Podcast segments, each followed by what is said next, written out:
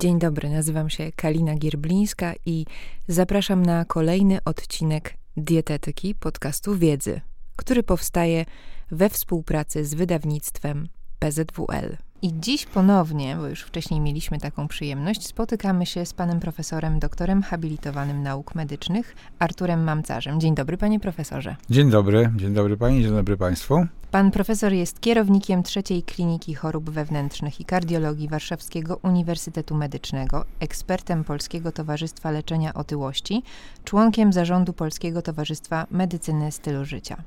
Dziś będziemy rozmawiać na temat otyłości, która została zakodowana pod numerem E66. I ten numer proszę już sobie zapisać. E66 to jest kod dzisiejszej rozmowy. Tak została zakwalifikowana w Międzynarodowej Statystycznej Klasyfikacji Chorób i Problemów Zdrowotnych opracowanej przez Światową Organizację Zdrowia. Niestety choroba ta wciąż jest bardzo często sprowadzana do problemu wyłącznie wizualnego i defektu kosmetycznego i myślę, że cały czas jest bagatelizowana. Nie wiem, czy pan profesor się ze mną zgodzi. Myślę, że jest część prawdy w tym, co pani mówi, że pewna grupa, czy ciągle zbyt dużo osób uznaje, że otyłość jest wyłącznie takim estetycznym defektem, a nie ma swojego numeru w klasyfikacji chorób. E, nie tylko warto zapamiętać ten numer, ale warto zapamiętać to, że to jest poważna, przewlekła choroba, która ma bardzo dużą ilość powikłań, o tym pewnie porozmawiamy, e, i która powinna być leczona. Tak jak wiele chorób przewlekłych. Nie akceptujemy przecież e, tego, że mamy do czynienia z jakąś chorobą onkologiczną, stanem po zawale, niewydolnością serca, cukrzycą, tylko leczymy te choroby. Mamy dla pacjentów ofertę i w przypadku otyłości również ona powinna się pojawić, bo jest to choroba poważna, przewlekła, e, związana z, ze skróceniem czasu trwania życia oczekiwanego i znaczącym pogorszeniem jego jakości. Czyli spełnia wszystkie kryteria bardzo poważnej, przewlekłej choroby, wymagającej szybkiej diagnostyki i skutecznej terapii. Dzisiaj naszej rozmowie będzie towarzyszyła publikacja, która liczy sobie ponad tysiąc stron, więc proszę wybaczyć, drodzy Państwo, jeśli będziecie słyszeć fruwający szelest kartek tutaj, bo notatek z nich mam z tej publikacji bardzo dużo. Publikacja pod tytułem Otyłość i jej powikłania, praktyczne zalecenia diagnostyczne i terapeutyczne, która powstała pod redakcją naukową profesor doktor habilitowanej nauk medycznych Lucyny Ostrowskiej, profesora doktora habilitowanego nauk medycznych Pawła Bogdańskiego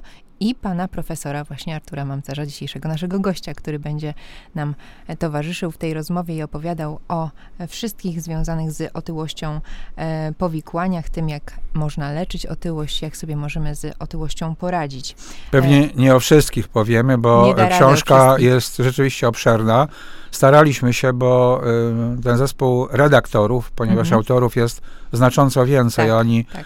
reprezentują wszystkie środowiska, nie tylko lekarskie, ale wszystkie z mm, systemu ochrony zdrowia, które zajmują się tym problemem. To i fizjoterapeuci, i psychologowie, i dietetycy, lekarze różnych specjalności. Znalazły się tam także rozdziały, które przygotowane są przez dziennikarzy po to, żeby opowiedzieć nam, w jaki sposób należy komunikować do tej szerokiej bardzo grupy pacjentów, którym grozi otyłość, już ją mają i wymagają terapii, więc o pewnych wybranych kwestiach pewnie opowiem, a te nazwiska, które pani redaktor wymieniła, to także bardzo ważne nazwiska w Polskim Towarzystwie Leczenia Otyłości, bo to aktualny prezes, pan profesor Bogdański i prezes elekt, pani profesor Ostrowska. Pracujemy od wielu lat w Polskim Towarzystwie Leczenia Otyłości.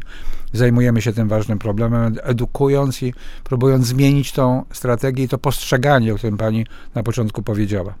I ten problem jest naprawdę poważny, dlatego że dotyczy on, według danych z raportu Our World in Data, 58% e, Polaków. Te dane oczywiście, które e, opisują epidemiologicznie problem, są różne bardzo, bo tu pewnie należy powiedzieć, że e, no, prawidłowa masa ciała, która klasyfikuje pacjenta jako normowagowego, to jest masa, gdzie BMI, pewnie do tego jeszcze później wrócimy, mhm. jest poniżej 25, ale mamy kategorię 25 do 30. Tak naprawdę 29,9 to jest nadwaga, a powyżej równe i więcej niż 30 kg na metr kwadratowy to otyłość. Związku z tym pewnie różne są dane, które czasem wspólnie klasyfikują nadwagę i otyłość, czasem mówią tylko o otyłości, odrębnie o nadwadze. Zupełnie inaczej wygląda sytuacja u dzieci, młodzieży, młodych dorosłych, chociaż tu mamy ogromny problem, więc te dane epidemiologiczne w każdym razie są zatrważające, a jeszcze bardziej taki zatrważający jest fakt dynamicznego wzrostu częstości występowania otyłości w populacji, zarówno dzieci, młodzieży, młodych dorosłych i w ogóle. I pandemia ten proces bardzo znacząco przyspieszyła jak katalizator. Można tylko pewne hasło powiedzieć, że po dwóch latach trwania pandemii dane europejskie mówiły o tym, że średni mieszkaniec Unii Europejskiej przytył 5-6 kg. Hmm. Nigdy wcześniej, w tak krótkim czasie, nie było takiej zmiany. No właśnie, jeśli jesteśmy przy danych, to y, już tutaj mogę dodać jeszcze jedną informację bardzo ciekawą, którą znalazłam właśnie w e, publikacji PZWL-u. E, w roku 2000 populacja ludzka osiągnęła swego rodzaju historyczny punkt zwrotny, a mianowicie po raz Pierwszy w ewolucji ludzkości liczba osób dorosłych z nadwagą przewyższyła liczbę tych z niedowagą, więc jest to rzeczywiście informacja, która no, zmienia w ogóle postrzeganie tej choroby. Możemy jeszcze dodać, oczywiście do tego wrócimy, że choroba e, otyłościowa powoduje ponad 200 powikłań związanych z przeróżnymi innymi chorobami, o których wspomnimy, które zagrażają bezpośrednio życiu. Ale przeczytałam również, że otyłość e, utrudnia na przykład uzyskanie kredytu w banku, więc e, jeżeli jesteście Państwo tego wątku ciekawi, to proszę sobie wyszukać w internecie historia pana Jarosława, oczywiście imię zmienione. E, pokazuje, że otyłość także w takich e, bardzo prowizorycznych, codziennych, praktycznych aspektach staje się przeszkodą, jak chociażby właśnie otrzymanie kredytu w banku. To jest bardzo ważny wątek, który pani poruszyła, bo to jest wątek pewnych kompromisów, które musimy zawierać jako lekarze czy pracowniki, pracownicy w systemie ochrony zdrowia, żeby znaleźć kompromis między czymś, co mm, już funkcjonuje jako body positive, czyli akceptowanie pewnej odmienności wynikającej no, z choroby tak naprawdę, czy z otyłości. Taka, taki jestem, zaakceptowałem, zaakceptowałem to i musisz to też zrobić. Mhm. E, a z drugiej strony stygmatyzacji tych osób, która jest związana z tym, jesteś sobie winien wobec tego, no tak jest jak jest, radź sobie sam. Więc y, ta postawa zarówno po jednej, jak i po drugiej stronie jest w mojej opinii niewłaściwa, bo nie akceptujemy sytuacji, kiedy ktoś mówi, paliłeś całe życie, jesteś sobie winien, że masz raka płuca lub krtani, radź sobie sam, tak? Ale z drugiej strony nie mówimy również, y, masz raka, y, zaakceptowałeś, to ja to akceptuję. Tylko mamy ofertę dla tych osób, lekarską taką, która mm, powoduje, że rokowanie takich pacjentów jest coraz lepsze. Jest ogromny postęp w terapii chorób nowotworowych, w tym także tych y, związanych z paleniem tytoniu chociażby. W związku z tym nie zostawiamy pacjenta sobie, ani nie akceptujemy go. Wobec tego mamy ofertę i w przypadku otyłości sytuacja jest dokładnie analogiczna. Cieszę się, że pan profesor poruszył ten wątek body positive, bo rzeczywiście to jest społecznie taki nurt, który silnie się rozwija i e, wpływa na nasze postrzeganie e, naszego ciała, które no niestety, ale jest tym, po czym widać pewne objawy różnych chorób, między innymi otyłości. I tu bym się chciała zatrzymać, dlatego że spotykamy się w czasie, kiedy w kinach pojawił się film, który zbiera bardzo ciekawe recenzje, jest szeroko komentowany, e, mianowicie film reżysera Darena Aronowskiego pod tytułem Wieloryb, w którym to główny bohater, Charlie, zmaga się z olbrzymią otyłością, w którą e, popadł po utracie bliskiej osoby. Jest nauczycielem literatury, prowadzi zajęcia w taki sposób onlineowy, nie pokazuje się nawet na kamerce, e, przez kamerkę e, swoim studentom, bo się wstydzi. I już pojawiają się głosy aktywistki i influencerki, które związane są właśnie z nurtem body positive, czyli ciało pozytywności, oskarżają tego reżysera o fatfobię, czyli o taką domniemaną dyskryminację i uprzedzenie wobec osób z nadwagą.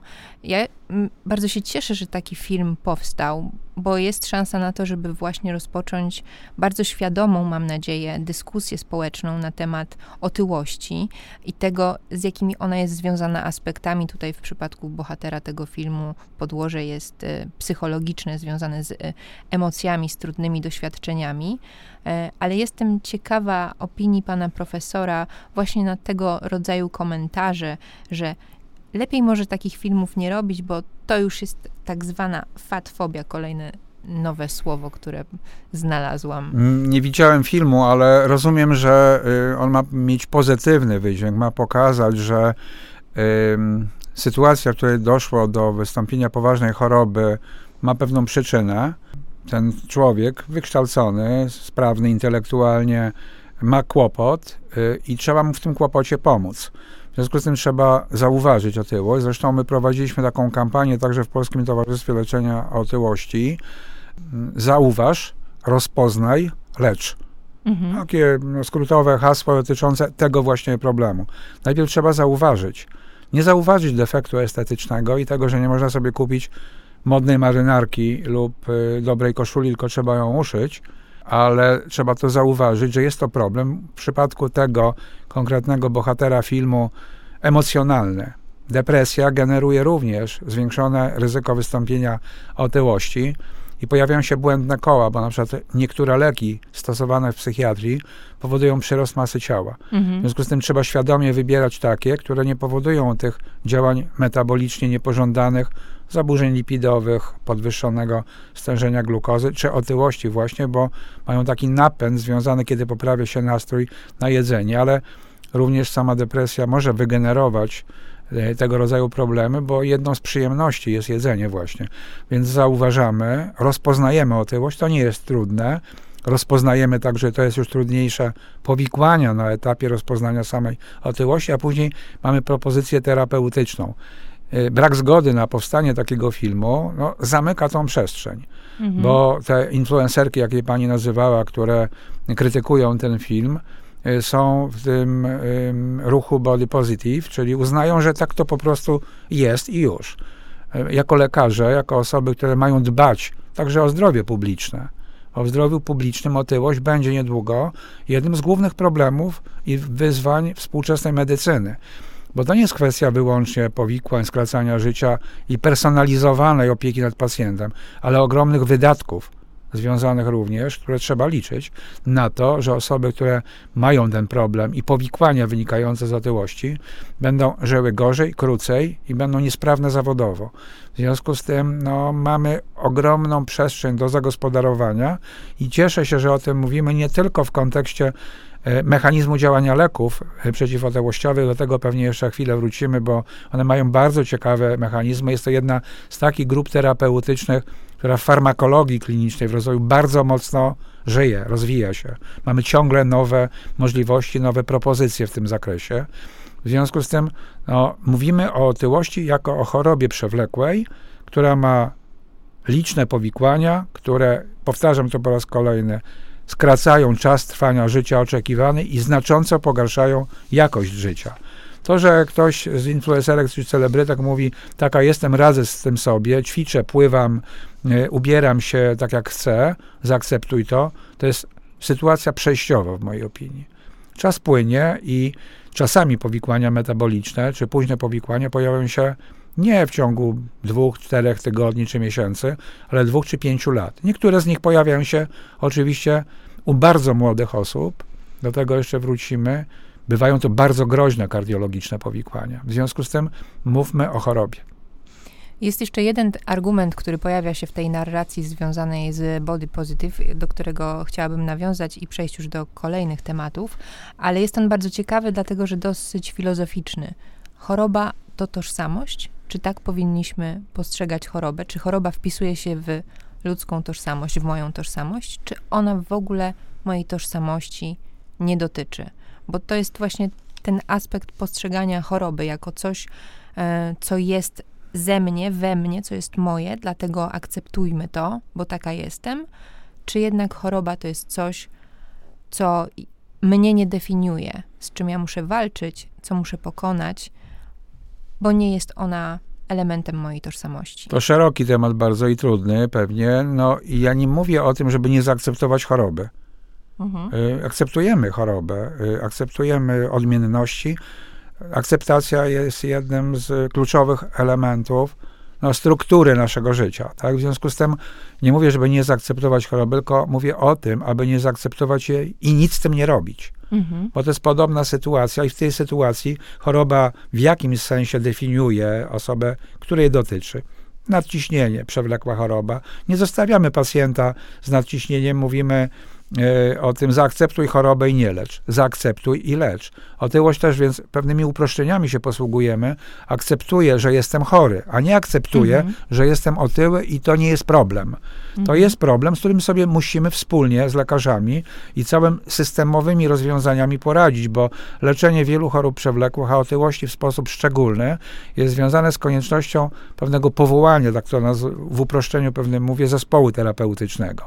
Z nadciśnieniem tętniczym, zwłaszcza w początkowej fazie, jeśli pacjent zaakceptuje chorobę i zaakceptuje konieczność terapii tej choroby, bo o tym mówię, mówię, upraszczaliśmy sprawę dotyczącą otyłości, radzi sobie bardzo dobrze w większości przypadków lekarz rodzinny, lekarz podstawowej opieki, internista. Czasami jest potrzebny hipertensjolog czy kardiolog, ale czasem jest potrzebny psycholog po to, żeby pacjenta przekonać, że nadciśnienie Mhm. to nie jest tylko podwyższona wartość ciśnienia, ale to jest zwiększone ryzyko udaru mózgu, zawału serca, niewydolności serca, arytmii, skrócenia życia, nawet jeśli w ogóle nie boli.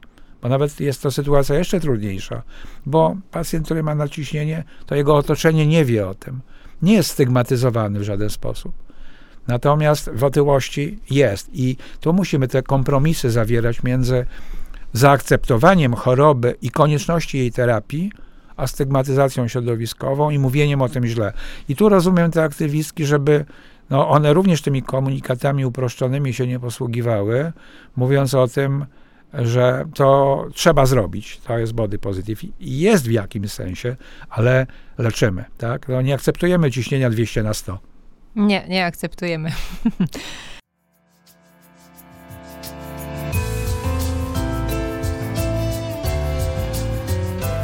Dietetyka. Podcast wiedzy.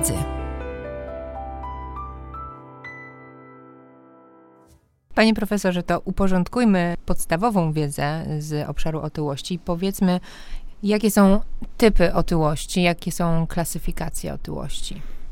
Taka prosta klasyfikacja to jest e, prawidłowa masa ciała związana z e, wyliczaniem wskaźnika BMI. Już myślę, że tego alfabetu nie będziemy powtarzać, ale króciutko waga w kilogramach przez wzrost w metrach do kwadratu i wartość do 25, między 18, 19 do 25 to jest normowaga, powyżej 25 do 30 nadwaga, 30 i więcej otyłość i mamy klasyfikacje wynikające z wielkości BMI aż po wartości skrajnej, ciężkiej lub zagrażającej życiu otyłości, kiedy klasyfikacja pokazuje wartości powyżej 40, czasem powyżej 45. Te wartości są potrzebne po to, aby klasyfikować na przykład pacjentów do określonej terapii. Między innymi są pewne wskazania związane z rejestracją leków do terapii otyłości albo do mm, y, dyskusji i klasyfikacji czy kwalifikacji pacjenta do leczenia chirurgicznego, bo takie możliwości również istnieją tutaj w naszym towarzystwie, w środowisku pracują z nami także e, chirurdzy bariatryczni, którzy specjalizują się w chirurgicznym leczeniu otyłości. Nie jest to, to duża grupa, ale są to znakomici fachowcy, którzy nie tylko są chirurgami, ale są e, lekarzami metabolizmu, tak? Wiedzą, dlaczego należy operować, co należy robić. E, W Polskim Towarzystwie Leczenia Otyłości przede wszystkim z panem profesorem Mariuszem Wyleżołem pracujemy, wielokrotnie dyskutujemy ym, różne kwestie, także personalne konkretnych pacjentów, ale także strategiczne. A kiedy możemy mówić o otyłości, a kiedy o nadwadze? Jaka tutaj jest różnica w definicjach? Mm, Wartość BMI między 25 a 30 nadwaga, 30 i więcej otyłość.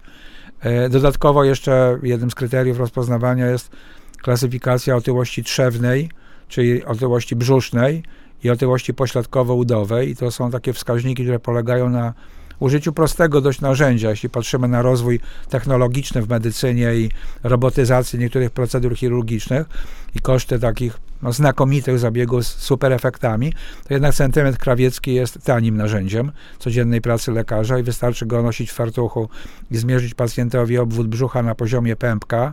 No, są techniki proste do nauczenia się i mamy wartości, które pokazują, kiedy inne u kobiety, inne u mężczyzn, które mówią o tym, że to są różne wartości, takie graniczne dla kobiety 80, dla mężczyzny 94. Niektórzy mówią o 88 i 102 centymetrach. Jestem zwolennikiem tej niższej nieco wartości, chociaż możemy sobie wyobrazić, że ten przedział między 80 a 88 to jest taki przedział, gdzie spora możemy jeszcze osiągnąć i między 94 a 102 u mężczyzn, czyli otyłość klasyfikowana jako otyłość trzewna, otyłość brzuszna, otyłość typu jabłko, ta otyłość pośladkowo-udowa, genoidalna, inaczej nazywana kobieca, typu gruszka, czasami mm, w odróżnieniu od tej trzewnej, kiedy tłuszcz gromadzi się w obrębie jamy brzusznej, jest utożsamiana czasami z taką no, większą mm, płodnością. Tak e, była postrzegana także historycznie, bo mhm. o otyłości w historii także przecież pisano. Ja czasami, kiedy wykładam czy rozmawiam na ten temat, posługuję się takimi starymi podręcznikami, które mówią o rozwiązaniach, bo nie było zbyt dużych rozwiązań w leczeniu otyłości, ale postrzegano ją w środowisku medycznym bardzo często jako chorobę, bo te obserwacje wnikliwych lekarzy, patologów czasami, którzy konfrontowali przeżyciowe obserwacje z tym, co na stole sekcyjnym znajdowali, e, pokazywały, że to jest problem medyczny na przykład zespół metaboliczny po raz pierwszy był definiowany przez Giovanniego Battista Morganiego, patologa, ojca współczesnej patologii, który konfrontował przeżyciowe obserwacje napadów dny u pacjentów otyłych z zaburzeniami snu, chrapaniem głośnym, czyli bezdechem sennym dzisiaj, wysokim ciśnieniem, z uderzeniami krwi do głowy, jak to nazywał, i krótszym czasem trwania życia z powodu udaru, który kończył życie takich pacjentów. Więc on widział to, to XVIII e, wiek. Wspomina pan profesor o historii otyłości. W książce, o której dzisiaj rozmawiamy, czyli otyłość i powikłania praktyczne, zalecenia diagnostyczne i terapeutyczne, znajdziecie państwo e, też rozdział dotyczący właśnie tego tematu. Bardzo ciekawe informacje dotyczące chociażby Sokratesa, który szczupłej sylwetki nie posiadał, czy Platona. A ja się zastanawiam, jakie e, jest e, zdanie pana profesora, jeśli zapytam o to, jak ta historia się otyłości układa, bo to pewnie jest może jakaś sinusoida, bo lata 70. mam wrażenie w Polsce na przykład to przynajmniej patrząc na zdjęcia pamiątkowe moje rodzinne, to widzę, że wszyscy mają szczupłe sylwetki, że na plaży wszyscy są właśnie wysportowani, dzieci również. Teraz to zupełnie inaczej wygląda. W książce, o której mówimy, czytamy właśnie o starożytnej Grecji, jak to tam wyglądało, jak tam była postrzegana e, obfita e, sylwetka. Dobrobyt. Sylwetka. No właśnie, związana z dobrobytem. Jak ta historia otyłości się Bardzo zmienia? szeroki temat temat. Myślę, że powinniśmy porozmawiać pewnie o tym, że powinna powstać taka książka na temat postrzegania otyłości, historii otyłości, e, która zawierałaby bardzo różne aspekty. I oczywiście kiedyś kojarzono tą taką obfitszą sylwetkę z dostępem do jedzenia. Mhm. Więc, ale nie wszyscy, którzy mieli dostęp, byli otyli, czyli mieli nadwagę, bo byli też jakby, jeśli na starożytną Grecję patrzymy, w tej równowadze bo dieta, to jest di, diet grecki, grecki, greckie określenie, określało styl życia.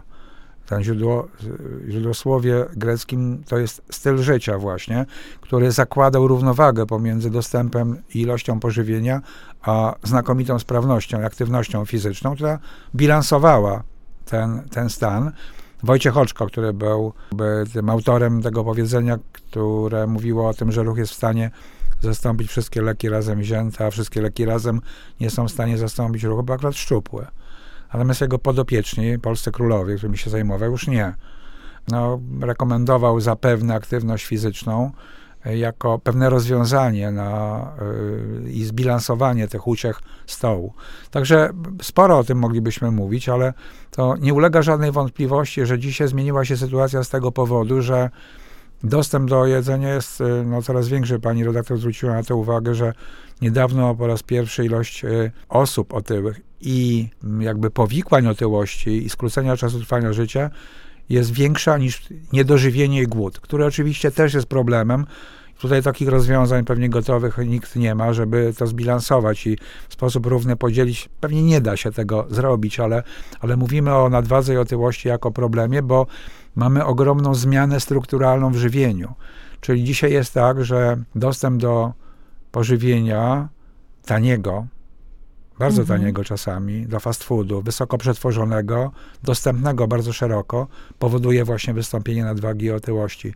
Dzisiaj osoby, które myślą o jedzeniu w sposób właściwy, czyli starają się tak komponować swój talerz, tak to w uproszczeniu nazwijmy, myśląc o tym, bilansują pewne produkty, a takie fast foodowe żywienie powoduje zwiększone ryzyko wystąpienia nadwagi i otyłości. To zresztą Amerykanie jakieś 20 lat temu, pamiętam, może nawet jeszcze w XX wieku, dokładnie nie przypominam sobie tej, tego, mm, tej publikacji, ale mówiło o tym, że w Stanach Zjednoczonych analizowano częstość występowania otyłości, konfrontując ją, pokazując korelację pomiędzy zamożnością stanu a ilością otyłości. I więcej było tam, gdzie ta zamożność była niższa czyli Mhm. gdzie mniejsze były dochody.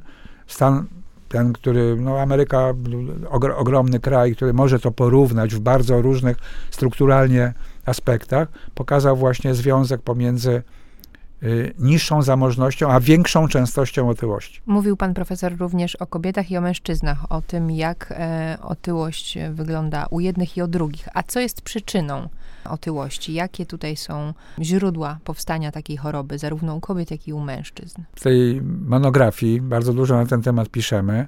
W takim dużym uproszczeniu można powiedzieć, że to jest niezbilansowanie energetyczne, czyli większa ilość e, przyjmowanych kalorii w stosunku do ich wydatkowania. Ale to jest uproszczone oczywiście i piszemy o bardzo wielu różnych aspektach. To jest przede wszystkim właśnie niewłaściwy sposób żywienia. To jest brak ruchu, ale to są pewne mechanizmy biologiczne, które determinują zaburzenia osi hormonalnych, na przykład osi inkretynowej. To jest taka interesująca oś w obrębie przewodu pokarmowego, która determinuje zarówno mm, podstawową, jak i e, dodatkową przemianę materii, która e, wpływa na bardzo różne aspekty związane z żywieniem. I tutaj jakby zaburzenia tej osi zdeterminowały mm, e, wpływ na nią poprzez stosowanie różnych leków, które służą do leczenia nie tylko cukrzycy, bo tutaj wyprzedzam fakt, o tym za chwilę powiemy, ale także otyłości. To są także mechanizmy emocjonalne związane z zaburzeniami osi podwzgórzowo-przysadkowej czy przysadkowo-obwodowej. To także jest pewien element. To są zaburzenia emocjonalne. Dużą rolę przywiązuje się do badania. To stosunkowo nowy i bardzo modny nurt badań.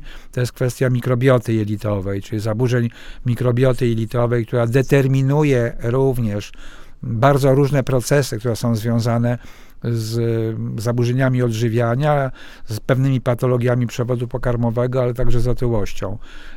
To jest kwestia całego, całej sfery psychicznej. Tutaj psychiatrzy są także z nami, rozmawiają z nami na ten temat. Bez psychologa, psychiatry często leczenie, terapia otyłości się nie powiedzie. W dużym uproszczeniu tak należało powiedzieć, że tych przyczyn jest bardzo wiele. Pewnie odkrywamy kolejne i Oczywiście być może pani redaktor gdzieś pomyślała o tym, że jest genetyka. To jak z pacjentami rozmawiamy mm, o tym, to ci, którzy są otyli, czy mają chorobę otyłościową, bardzo często mówią o genetyce. Ja wtedy mówię, Mhm. Czasami to się posługuje. Jeden z moich przyjaciół wiele lat temu tak to nazwał, że to bardziej genetyka stołu, genetyka talerza, genetyka przyzwyczajeń, nawyków. Mhm. Czyli jeśli ktoś je obficie, niewłaściwie i nie rusza się po posiłku niedzielnym, obfitym lub codziennym, to jego dzieci będą zachowywały się podobnie i w podobny sposób będą zachowywały się ich dzieci. W związku z tym ta genetyka oczywiście tak rozumiana ma znaczenie, ale jest poszukiwany gen otyłości, nawet są em, sukcesy w tym zakresie, ale nie każdy, kto ma taki gen otyłości, zwiększa prawdopodobieństwo wystąpienia, będzie otyły. Jeśli by się udało, to być może taka jest przyszłość również. Chociaż dużo, jak pani redaktor zauważyła, w tej książce o genetyce nie piszemy. Piszemy o środowiskowych uwarunkowaniach. Mhm. W związku z tym te osoby, które mają taką skłonność, bo w rodzinie występowały, powinny tym bardziej zadbać o właściwy styl życia, bo tu kluczem do utrzymania właściwej sylwetki jest życie w dobrym stylu. O tym kiedyś rozmawialiśmy dużo i myślę, że w przypadku tej przewlekłej metabolicznej choroby na pewno o tym też należy pamiętać. Jaki jest dzisiaj standard leczenia otyłości? Bo rozumiem, że tak jak i w przypadku innych chorób, e, takie mm, podejście rodem z medycyny personalizowanej tutaj też jest pewnie stosowane. Każdy pacjent ma swoją historię i swoje potrzeby i swoją ścieżkę terapeutyczną. Jak to dzisiaj wygląda? Zauważ, rozpoznaj, lecz, tak? Trzeba mhm. zauważyć, później rozpoznać, czy zmierzyć obwód brzucha. Nie mówiliśmy o tym, że dawniej posługiwano się częściej um, taką, taką, taką ilorazem, czyli stosunkiem między obwodem brzucha a obwodem bioder, która pozwalała klasyfikować otyłość jako trzewną, tą typu jabłko i typu gruszka. No i mamy pewien, wracam do tego, ponieważ Polskie Towarzystwo Leczenia Otyłości nie tylko jest patronem tej dużej otyłej monografii ponad tysiącstronicowej, ale także wytyczne, które w 2022 roku opublikowano jako pewien skrót, pewien, yy, pewien materiał, który jest dla lekarzy, którzy zajmują się tym problemem, drogowskazem i wszystkie te aspekty w skrótowej formule, w tabelach, schematach pokazaliśmy. E, bardzo podobny zestaw autorów w wytycznych to jest dokument Polskiego Towarzystwa Leczenia Otyłości. I mówimy o różnych piętrach decyzyjnych dotyczących leczenia otyłości. Zawsze należy pamiętać o modyfikacji behawioralnej, czyli o modyfikacji, która jest związana z, ze sposobem żywienia i z aktywnością fizyczną. Należy mm, włączyć w ten proces, tak jak powiedziałem wcześniej, terapii zespół terapeutyczny, w którym lekarz jest centralnym prowadzącym, jak trener, który mhm. prowadzi drużynę. Tutaj pacjent jest podmiotem naszego działania, ale jeśli uznaje, że on sam nie będzie mógł sobie wystarczająco skutecznie i dobrze poradzić, y, proponując pacjentowi określony rodzaj treningu. Dla pacjentów z różnym stopniem otyłości, różnego typu ćwiczenia mogą być rekomendowane, więc mamy świetnie wykształconych fizjoterapeutów, jeśli y, pacjent wymaga bardzo precyzyjnego ustalenia sposobu żywienia, to dietetyk jest dobrze wykształcony, przygotowany, świadomy, bo to jest ciągle nieregulowany zawód i troszkę na rynku jest nieporozumień. Nie wszyscy tym samym jednym głosem mówią, ale staramy się, bardzo duża grupa dietetyków, z którymi pracujemy, bardzo chętnie korzysta z naszych doświadczeń, rozmów, y, warsztatów, kongresów, konferencji.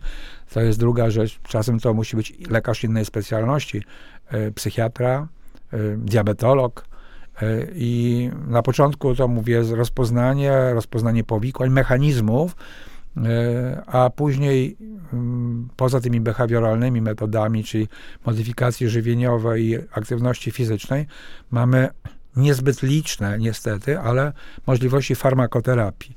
I tu mamy tą grupę leków, o której wspomniałem wcześniej, która y, modyfikuje mechanizmy inkretynowe.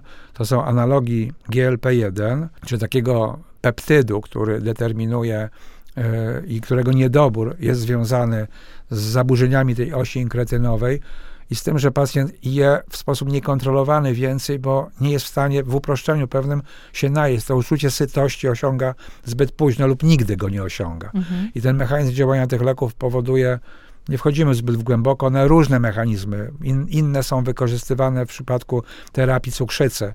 Bardzo wiele problemów koryguje takim kluczowym lekiem tej grupy, stosowanym nie tylko w cukrzycy, ale w otyłości jest liraglutyd. E, innym lekiem jest semaglutyd. Ten lek ma e, rejestrację zarówno w leczeniu cukrzycy, jak i w leczeniu otyłości. Leczenie w otyłości jest związane z większą dawką leku. Liraglutyd jest stosowany raz dziennie, to są leki iniekcyjne, semaglutyd raz w tygodniu. Jest także dulaglutyd, który ma ten sam mechanizm, ale stosowany w leczeniu cukrzycy. Zaraz powiem o nowej grupie jeszcze, ale wracając do tych leków, musimy pamiętać o tym, że one mają taki pleiotropowy mechanizm działania, czyli one działają nie tylko przez oś inkretynową, spowalniają perystaltykę, czyli jakby dłużej jakby ten pasaż się odbywa i pacjent ma takie poczucie, że mniejsza ilość wystarcza mu do tego, żeby się nasycić. Czyli wcześniej y, zaspokojamy uczucie sytości, i mamy mniejszy apetyt, tak? Mhm. Apetyt regulowany centralnie. E, na jądra pasma samotnego w podzgórzu działają te leki i wpływają na to, że dostajemy wcześniej sygnał i ten sygnał się czasami nie pojawia, że mamy ochotę na coś, prawda? Czyli nie zaspokojamy takiego atawistycznego, atawistycznej potrzeby spożycia czegoś, często słodkiego i tłustego. To nam daje taki to spożycie tych Mhm. wysokokalorycznych, słodkich, tłustych lub czegoś, co lubimy bardzo, bo różni ludzie różne rzeczy lubią, y, takiej przyjemności, która jest związana z mechanizmem dopaminowym. Także więc te leki działają w obrębie osi inkretynowej i w obrębie centralnego układu nerwowego. Pewnie odkrywamy różne inne mechanizmy e, działań. Nową stosunkowo opcją jest y, lek, który wyjściowo ma podobny mechanizm, czy on hamuje GLP, znaczy jest analogiem GLP-1, ale także innego hormonu takiego w obrębie przewodu pokarmowego, to jest GIP i ten lek to jest tirzepatyt się nazywa, ma już swoją nazwę handlową, jest w Stanach już stosowany i on ma bardzo dobre badania i w cukrzycy i w otyłości, czyli wszystkie te leki są zbadane w otyłości lub w cukrzycy z towarzyszącą otyłością i mamy znakomite badania, które pokazują bardzo dobre wyrównanie cukrzycy. Są to leki rekomendowane jako leki bardzo ważne, pierwszorzutowe w terapii cukrzycy. One mają także potencjał zmiany ryzyka sercowo-naczyniowego. Ja tym się głównie zajmuję, więc to jest najbliższy mi obszar. Y, Mają bardzo wysoki profil bezpieczeństwa. Są no, iniekcyjne, ale wygodne, te nowocześniejsze, bo liraglutyd raz dziennie, ale te nowocześniejsze raz w tygodniu. Y, Tu rozwija się bardzo ten obszar farmakologii klinicznej. I to jest jedna grupa leków. Mhm. Inne, y, rekomendowane również, wytyczne o tym mówią, są leki, które wpływają głównie przez centralny układ. To są leki znane od dawna, stosowane na przykład w psychiatrii od dawna. To jest połączenie naltreksonu i bupropionu. O tym także w monografii piszemy. Jest połączenie tego leku w tabletkach stosowane od dawna. Są leki stosowane w leczeniu uzależnień na przykład, które wpływają centralnie i przy rozpoznaniu jakby mechanizmu determinującego otyłość, jeśli to jest na przykład kompulsywne jedzenie. Mhm. My widujemy czasem takie opisy. Ja niedawno rozmawiałem z pacjentką, która zresztą pracującą w korporacji, bardzo sprawną i intelektualnie, która sobie nie mogła z tym po prostu poradzić. Ilość tych nawarstwionych kłopotów pracy, obowiązków i tak dalej, pewne problemy życiowe rodziny powodowały, że wracała do domu i nie, przez cały dzień praktycznie nic nie jadła i nie była w stanie opanować tego apetytu w domu. Zjadała wszystko, co miała. Mhm. Musiała wyjść, a to nie jest, nie jest trudne, mimo że zjadła wszystko, żeby zjeść jeszcze więcej. I przy takim kompulsywnym jedzeniu pewnie oczywiście możemy sobie wyobrazić, że takim leczeniem może być wpływanie na te mechanizmy, które no jakby uzależnienie od tego powodują, więc lekami pierwszorzutowymi, takimi, bo wracam do tych e, analogów GLP-1, jest również to ich zaletą ogromną, że one mają badania, które pokazują, że wykorzystanie tego mechanizmu, dobre leczenie cukrzycy i otyłości przekłada się na ryzyko, czyli zmniejsza ryzyko sercowo-naczyniowe, ryzyko powikłań. W związku z tym zawsze w medycynie jest tak, że jak mamy dane, które mówią, że nie tylko wpływamy na jakiś parametr, Mhm. na wysokość ciśnienia, stężenie cholesterolu, poziom hemoglobiny glikowanej, ale to się przekłada na twarde punkty, na Mhm. incydenty sercowo-naczyniowe, ilość zawałów, udarów i przedłuża życie, tak by byłoby najlepiej. I wszystkie te opcje terapeutyczne były w tym zakresie badane, ale dla analogu GLP-1 bardzo dobrze to udokumentowano. Nie mogę, panie profesorze, nie zapytać przy okazji leczenia. Znowu, o trend, który wziął się z TikToka. Osoby, które marzą o szczupłej sylwetce, stosują lek, który jest przeznaczony dla cukrzyków, a sami nie są cukrzykami. Stosują go, bo niektóre właśnie instagramerki czy celebryci udowadniają po sobie, że przynosi to piorunujące efekty. To są leki, zarówno liraglutyd, jak i semaglutyd, które mają dwie, jakby dwa wskazania. i inne nazwy handlowe. Czyli liraglutyd przeznaczony do leczenia cukrzycy ma inną nazwę, a do leczenia otyłości inną. I semaglutyd to jest, tak jak pani stwierdziła, rekomendowany i wykupywany przez influencerki czy Mhm. celebrytki, zarejestrowany do leczenia cukrzycy, ma również swój odpowiednik, ten sam dokładnie preparat, ten sam związek, tą samą substancję w większej dawce, zarejestrowany do leczenia otyłości. Tu mamy pewien kłopot na tym etapie z dostępnością tych leków.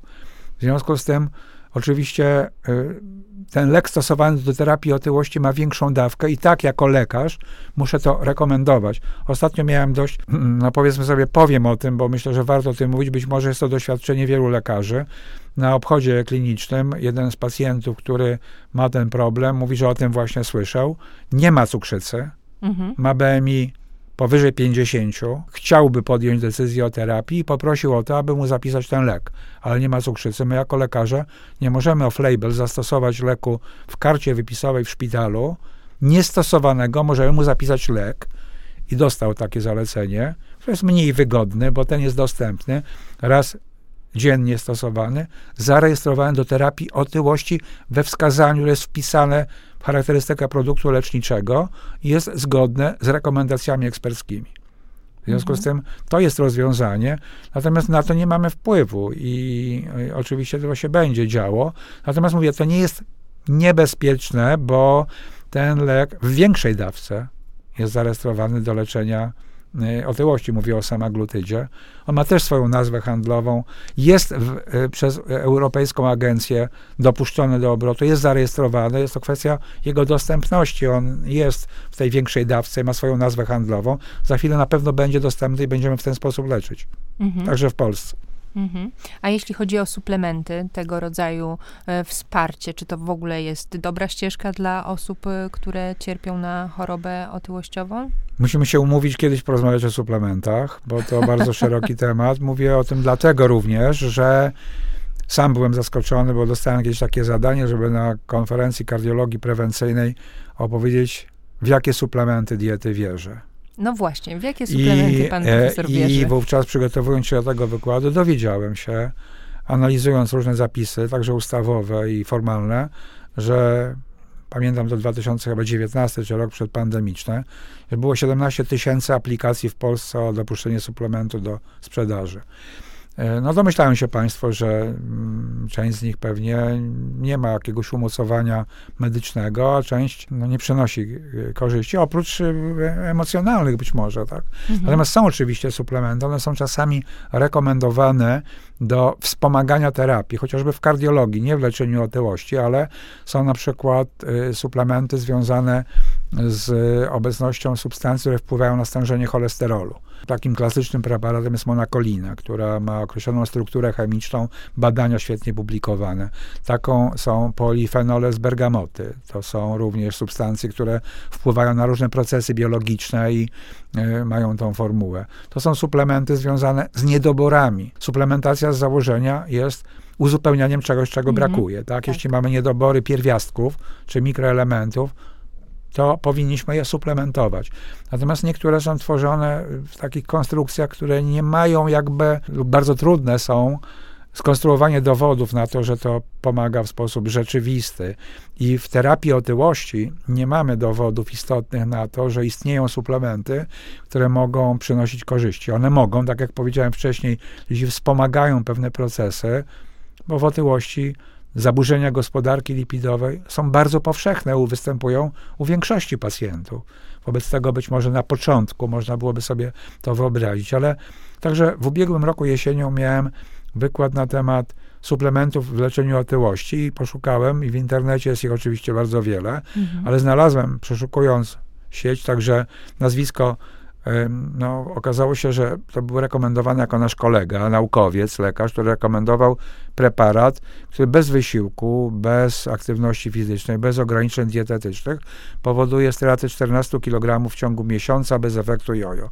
No więc sobie zadałem trud i przejrzałem tą całą dokumentację tego procesu, wpisując także jego nazwisko do przeglądarki, która pokazuje aktywność naukową naukowców z różnych dyscyplin, z różnych branż, nie tylko lekarzy, ale nauk biologicznych, chemicznych, różnych. Nie znalazłem tam jego nazwiska, jego publikacji. Więc to są takie no, rzeczywistości wirtualne, Mhm. które mają swój wizerunek. To jest oszustwo. To jest oszustwo, które wierzą niektórzy i kupują.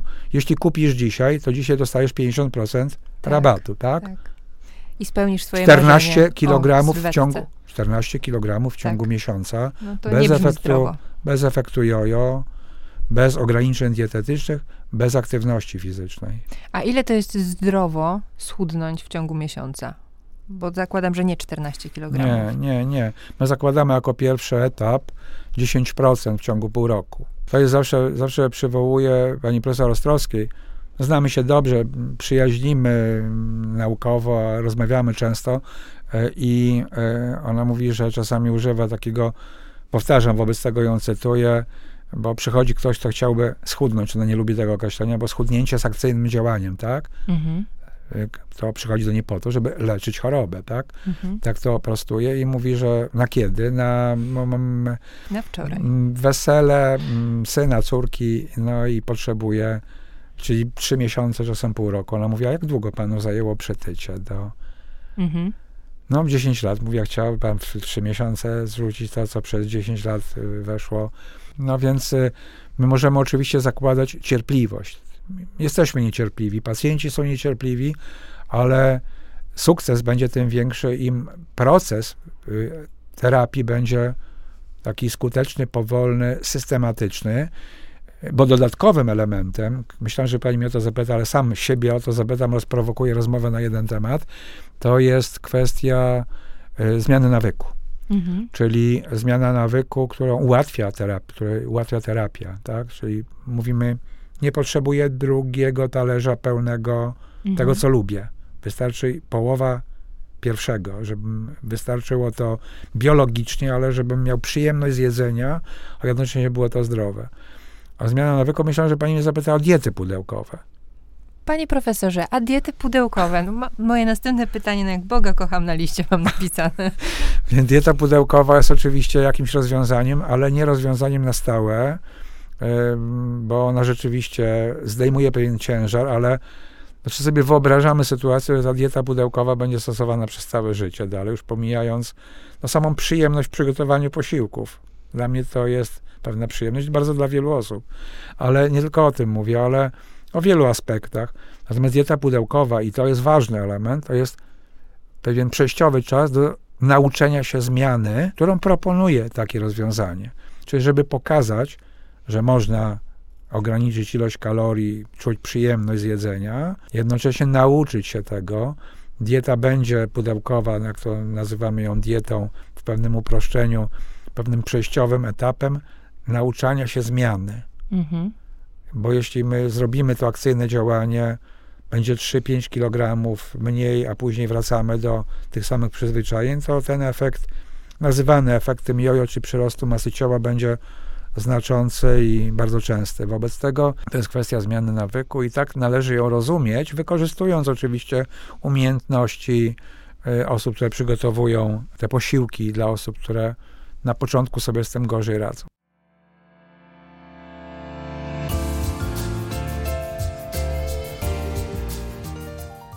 Panie profesorze, pandemia to też jest bardzo ważny aspekt w kontekście samej pandemii otyłości.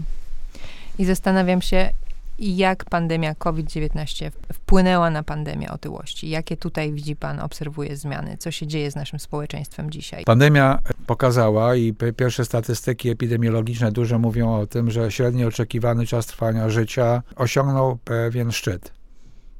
Wydawało nam się, że będziemy w nieskończoność wydłużać powyżej 80 u kobiet, powyżej 75 u mężczyzn, e, w Japonii powyżej 90 u kobiet, ale już Amerykanie pierwsi, ale w Europie także zauważyłem, że plato się pojawiło i w ciągu ostatnich dwóch lat obniżył się średni, czas trwania życia.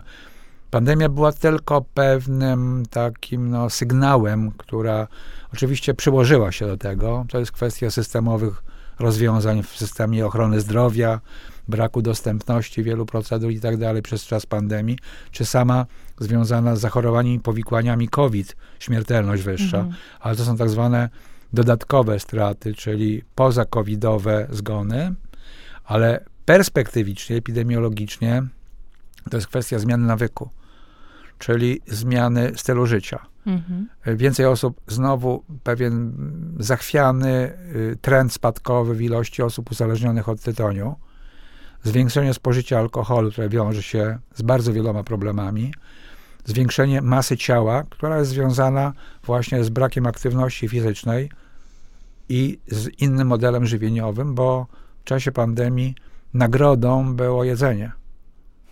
Przy zamknięciu, w lockdownie, e, w związku z tym, e, tak jak wspomniałem na początku naszej rozmowy, 5-6 kg w ciągu dwóch lat więcej Europejczyk waży. Mhm. Ogromny problem u dzieci i młodzieży. Ja będę na początku marca, zaproszono mnie, przyjąłem to zaproszenie, bo Sejmowa Komisja Zdrowia będzie zajmowała się otyłością u dzieci i młodzieży. e, uznałem, że warto pojawić się na takim spotkaniu, żeby pokazać pewne argumenty i sposoby radzenia sobie z tym problemem, bo pani redaktor też to zauważyła, że plaża lat 70. była pełna osób szczupłych, a ja jeszcze jedną y, sugestię bym, nie tylko fotografii trzeba z tego czasu zobaczyć, ale są no, mniej liczne niż dziś, ale filmy, Mhm. które pokazują, że plaża była jak mrowisko. Na plaży wszyscy się ruszali, biegali, dzieci Mhm. szalały, grały. Yy, natomiast dzisiaj plaża jest wypełniona parawanami. Nie dość, że średnia masa ciała osób dorosłych i dzieci jest wyższa, to wszyscy siedzą za parawanami i w jednej ręce trzymają fast food, a w drugiej smartfon. Mhm. W związku z tym nie ma ruchu, nie ma To są gry te w nawyki, piłkę. o których pan To są nawyki. W związku z tym, a pandemia to wszystko przyspieszyła. Jeśli nie zaradzimy temu i znowu wracam do pewnej misji, tak to nazywam, może zbyt górnolotnie, ale jednak mamy takie poczucie, że idąc do pracy w tym zawodzie, mamy do spełnienia pewne role i pewną misją Polskiego Towarzystwa Leczenia Otyłości jest właśnie, dlatego w nazwie towarzystwa mówiliśmy leczenia Mhm. nie badań, nie diagnostyki, nie walki, tylko leczenia jako choroby przewlekłej jest poradzenie sobie z tym problemem u dzieci, młodzieży, młodych dorosłych, yy, bo no jest to rzeczywiste wyzwanie. Pani wspomniała o powikłaniach 200.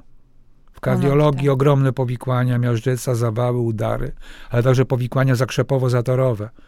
Ostatnio widzieliśmy dwie młode bardzo osoby z zatorami tętnicy płucnej, które są związane z bezruchem, bo brak aktywności fizycznej, duża otyłość sprzyja, to Rudolf Virchow mówił o pewnych czynnikach sprzyjających y, zatorowości, zatorowi, powikłaniom zakrzepowo-zatorowym i właśnie doświadczamy tego badając i lecząc takich pacjentów. Obie sytuacje na szczęście skończyły się pomyślnie, ale ten przewlekły proces się rozpoczął. W związku z tym musimy leczyć u tych osób chorobę podstawową. Wiele osób, z tym pani znowu i profesor Bogdański, i profesor Ostrowska, współautorzy monografii, współredaktorzy, mówią o tym, że powinniśmy zmienić paradygmat rozpoznań w szpitalu. Otyłość powikłana cukrzycą, chorobą wieńcową, miażdżycą, nadciśnieniem tętniczym.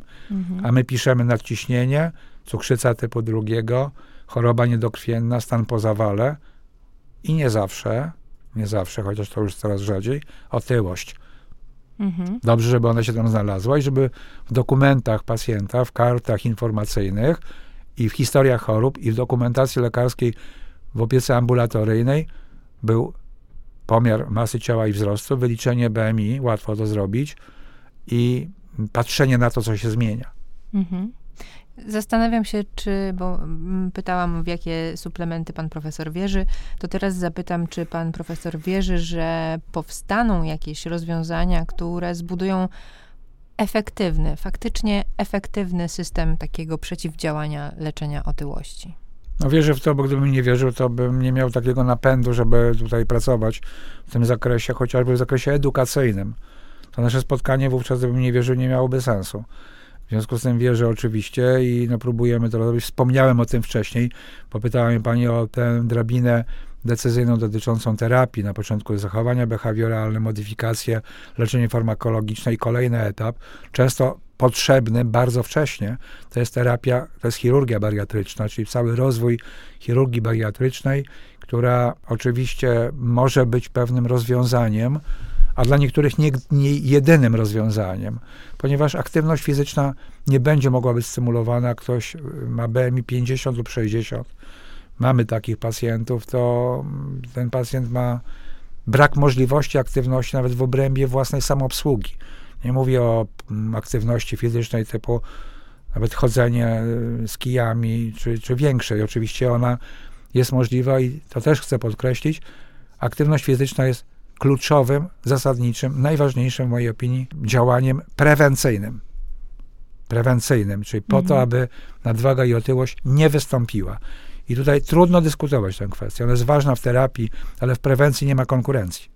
Mam nadzieję, że tą rozmową zaostrzyliśmy Państwa apetyt na życie, na aktywność fizyczną i na dobre życie, na życie w dobrym, zdrowym stylu. Bardzo dziękuję Panie Profesorze za rozmowę. Gościem dietetyki podcastu Wiedzy był profesor doktor habilitowany nauk medycznych Artur Mamcarz, który e, jest redaktorem naukowym, między innymi jednym z e, publikacji Otyłość i jej powikłania, praktyczne zalecenia diagnostyczne i terapeutyczne, które zostały wydane w wydawnictwie PZWL. Bardzo dziękuję za To spotkanie. ja bardzo dziękuję.